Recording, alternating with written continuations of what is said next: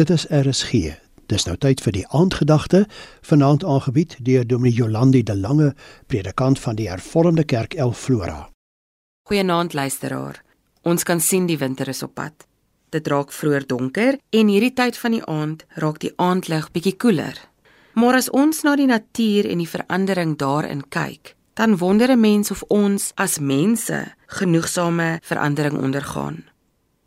Want dit is so maklik vir ons om in 'n rotine te verval.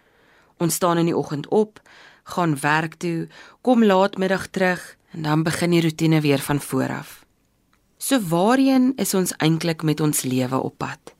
Glo dit of nie, die boek Kronieke help ons hiermee.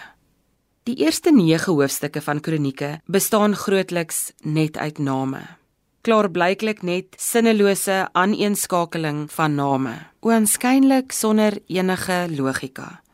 Tog word hierdie name op 'n manier saamgebind, want elkeen van hierdie name, elkeen van hierdie mense was deel van God se plan. Wanneer 'n mens kronieke bestudeer, handel 'n baie groot gedeelte van hierdie twee boekdele oor die bou van die tempel. Want dit is immers waar God se volk God ontmoet die ganse geskiedenis tot op daardie punt. Met ander woorde, al die geslagte van Israel het op die tempel in Jerusalem afgestuur. En die belangrikste van alles is dat nie een van hierdie name wat hier neergeskryf is, geweet het dat hulle eintlik 'n rol daarin speel nie. Dink vir 'n oomblik, wat kon Adam of Set of Enos of wie ook al van die tempel wat geslagte later in Jerusalem gebou sou word, weet? Hulle moes net hulle self gewees het. Hulle moes net ooreenkomstig met hulle eie tyd en daardie tyd se eise geleef het. En alles wat hulle doen, dink en praat, het God 'n plan met hulle gehad. God was met hulle op pad na een van die grootste hoogtepunte in Israel se lewe, naamlik die tempel.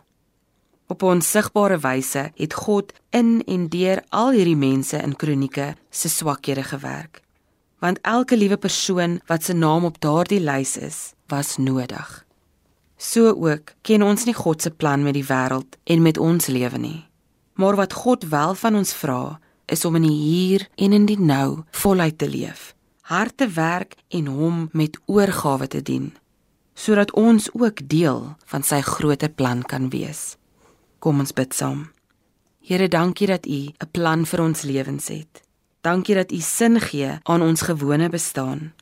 Dankie dat ons kan weet U is in beheer. Amen. Die aandgedagte is aangebied deur Dominee Jolandi de Lange, predikant van die Hervormde Kerk El Flora.